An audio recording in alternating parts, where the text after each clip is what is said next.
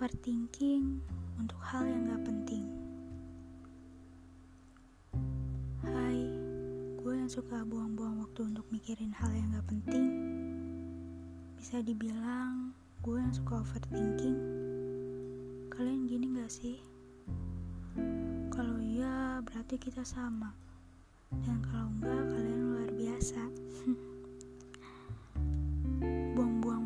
Banget sih sebenarnya overthinking untuk hal yang gak penting kayak gitu.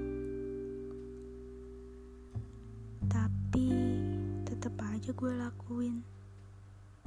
Dan pernah ada yang bilang sama gue, ngapain sih lo overthinking untuk hal yang gak penting kayak gitu? Udahlah, andai semua semudah